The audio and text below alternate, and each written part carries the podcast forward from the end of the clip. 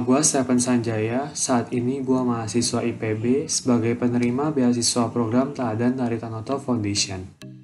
Pertama-tama selamat datang dan gue mengucapkan terima kasih banyak kepada kalian yang telah meluangkan waktunya untuk mendengarkan podcast ini. Kali ini gue mau menceritakan salah satu sosok wanita spesial yang berhasil bangkit dari keterpurukannya dan berhasil menjadi seorang sosiopreneur dan sejak tahun 2019 Beliau dipercaya oleh Presiden Republik Indonesia sebagai staf khusus Presiden di gugus inovasi dan juru bicara Presiden di bidang sosial. Sosok wanita ini bernama Angki Yudhistia. Mbak Angki merupakan founder dan CEO dari Disable Enterprise, sebuah social enterprise yang didirikan pada tahun 2011 untuk memberdayakan teman-teman disabilitas. Meskipun Mbak Angki merupakan difabel tunarungu sejak berumur 10 tahun, beliau justru memiliki semangat yang tinggi untuk memperjuangkan masyarakat yang inklusif di Indonesia. Tunggu sebentar, dia tunarungu tapi jadi juru bicara presiden? Ya, kalian tidak salah dengar. Seseorang yang memiliki keterbatasan fisik dan justru dipandang sebelah mata oleh masyarakat berhasil membuktikan bahwa nothing is impossible. Bangki Yudhistia menamatkan kuliah S1 jurusan komunikasi di LSPR dan melanjutkan untuk mengambil program akselerasi S2 Berawal dari skripsinya, beliau menjadi tertarik dengan isu disabilitas sambil menyelami apa tujuan hidupnya setelah lulus nanti. Beliau mulai magang dan bekerja untuk mencari pengalaman di berbagai tempat sambil menemukan kecocokan karir hingga pada satu titik di mana ia merasa sudah totalitas berjuang semaksimal mungkin namun ia masih mengalami PHK. Tentu sama seperti kebanyakan orang, Mbak Angki merasakan kekecewaan yang mendalam dan sangat hopeless akan hal tersebut karena saat itu dunia kerja memang belum mau menerima orang disabilitas karena takut kesulitan berinteraksi dengan mereka. Di tengah keputusasanya itu, dosennya datang dan mengatakan demikian. Bila kamu gagal mendapatkan kesempatan tersebut, mengapa tidak kamu menciptakan kesempatan itu bagi orang lain? Sejak itu, karena beliau memang merasa prihatin dengan orang-orang disabilitas seperti dirinya yang tidak mendapatkan kesempatan yang sama dengan orang non-disabilitas dan berhubung beliau menyukai hal-hal terkait filantropi, kegiatan sosial, dan semacamnya, beliau memutuskan untuk membangun Disable Enterprise pada saat dia berumur 23 tahun. Dengan menjadi seorang sosiopreneur, Bangki ingin membuat teman-teman disabilitas menjadi mampu mandiri secara ekonomi dan ingin membuktikan bahwa orang-orang disabilitas berhak mendapatkan kepercayaan dan perlakuan yang sama layaknya orang non-disabilitas. Meskipun saat ini Disable Enterprise sudah berhasil, namun ternyata pada lima tahun pertama Mbak Angki menjadi CEO, ia menghadapi tantangan yang sangat besar karena sulit meyakinkan banyak orang. Sejak tahun lalu, berhubung Mbak Angki berasal dari latar belakang komunikasi, beliau dipercayai sebagai juru bicara presiden dan dengan senang hati ia mengambil kesempatan itu sebagai peluang untuk berbakti kepada negara. Selain itu, ia ingin memberikan pemahaman kepada pengambil kebijakan akan pentingnya membangun Indonesia yang inklusif. Wah, keren banget. Apa sih yang membuat Stefan begitu terinspirasi dari Mbak Angki Yudhistia? Oke, gue menemukan sebuah kutipan menarik dari perkataan Mbak Angki sendiri, yaitu sebaik-baiknya manusia adalah manusia yang bermanfaat bagi orang lain.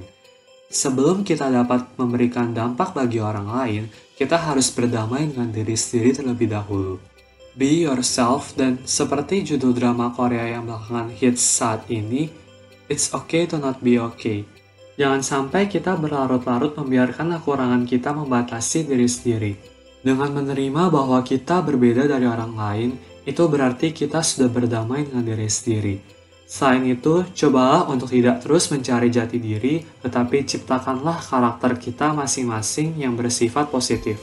Kita sering kali menduga-duga sendiri, apa ya yang orang lain lihat dari gua, apa ya yang orang lain pikirin tentang gua dan kita menjadi nervous, jadi takut, jadi tidak percaya diri akan hal tersebut. Padahal dugaan itu sebenarnya semuanya hanya ada di pikiran kita dan belum tentu itu terbukti benar. Bila ternyata kita melakukan hal yang tidak tepat atau mengambil keputusan yang salah, it's okay. Jadikan itu sebagai pembelajaran untuk ke depannya dan yang terpenting adalah kita harus bertanggung jawab terhadap akibatnya. Bangki sendiri pernah mengatakan bahwa kita tidak bisa memaksa orang lain untuk menghargai kita. Apabila ada orang yang merendahkan atau membuli kita, itu menandakan bahwa kita harus berpindah ke circle pertemanan lain dan mencari lingkungan yang lebih sesuai bagi kita untuk lebih berkembang. Isu global yang menjadi concern dari Baangki adalah Sustainable Development Goals yang ke-10, yaitu Reducing Inequalities, di mana beliau mempunyai tujuan untuk ingin memperjuangkan agar teman-teman disabilitas mendapatkan kesempatan dan perlakuan yang sama layaknya dengan teman-teman non-disabilitas. Beliau sendiri tahu bagaimana rasanya saat tidak dipercaya sebagai seorang disabilitas, dibully, atau dipandang kasihan oleh orang lain. Dan ia tidak ingin hal tersebut terjadi pada orang lain yang mengalami disabilitas juga. Sementara gue sendiri cenderung concern terhadap Sustainable Development Goals yang ke-9, Industry, Innovation, and Infrastructure, dan SDG kedua, yaitu Zero Hunger.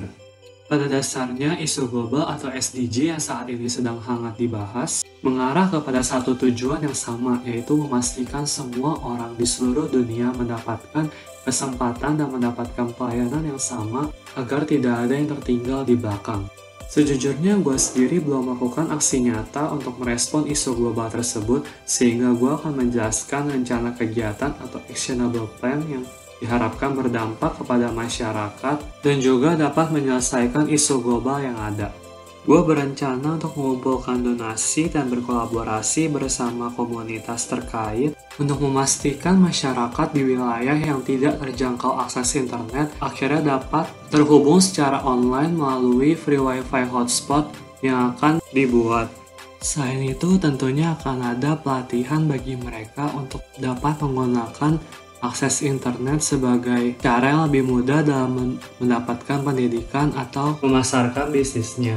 Gue sendiri juga berencana menciptakan sebuah produk pangan fortifikasi atau pangan bernutrisi yang aman dikonsumsi dan sesuai bagi semua kalangan umur untuk menjamin tidak adanya kasus stunting atau tidak ada kasus malnutrisi atau overweight. Oke, jadi itulah beautiful life story dari Mbak Angki Yudhistia yang dapat dirangkumkan menjadi tiga kata. Limited but limitless. Kisah jatuh bangunnya benar-benar membuat gua begitu terinspirasi untuk gigih menggapai tujuan hidup gua sendiri. Dan semoga melalui podcast ini, kalian yang mendengarkannya juga dapat memperoleh insight yang bermanfaat bagi masa depan kalian semua. Akhir kata, thank you dan sampai jumpa di podcast berikutnya.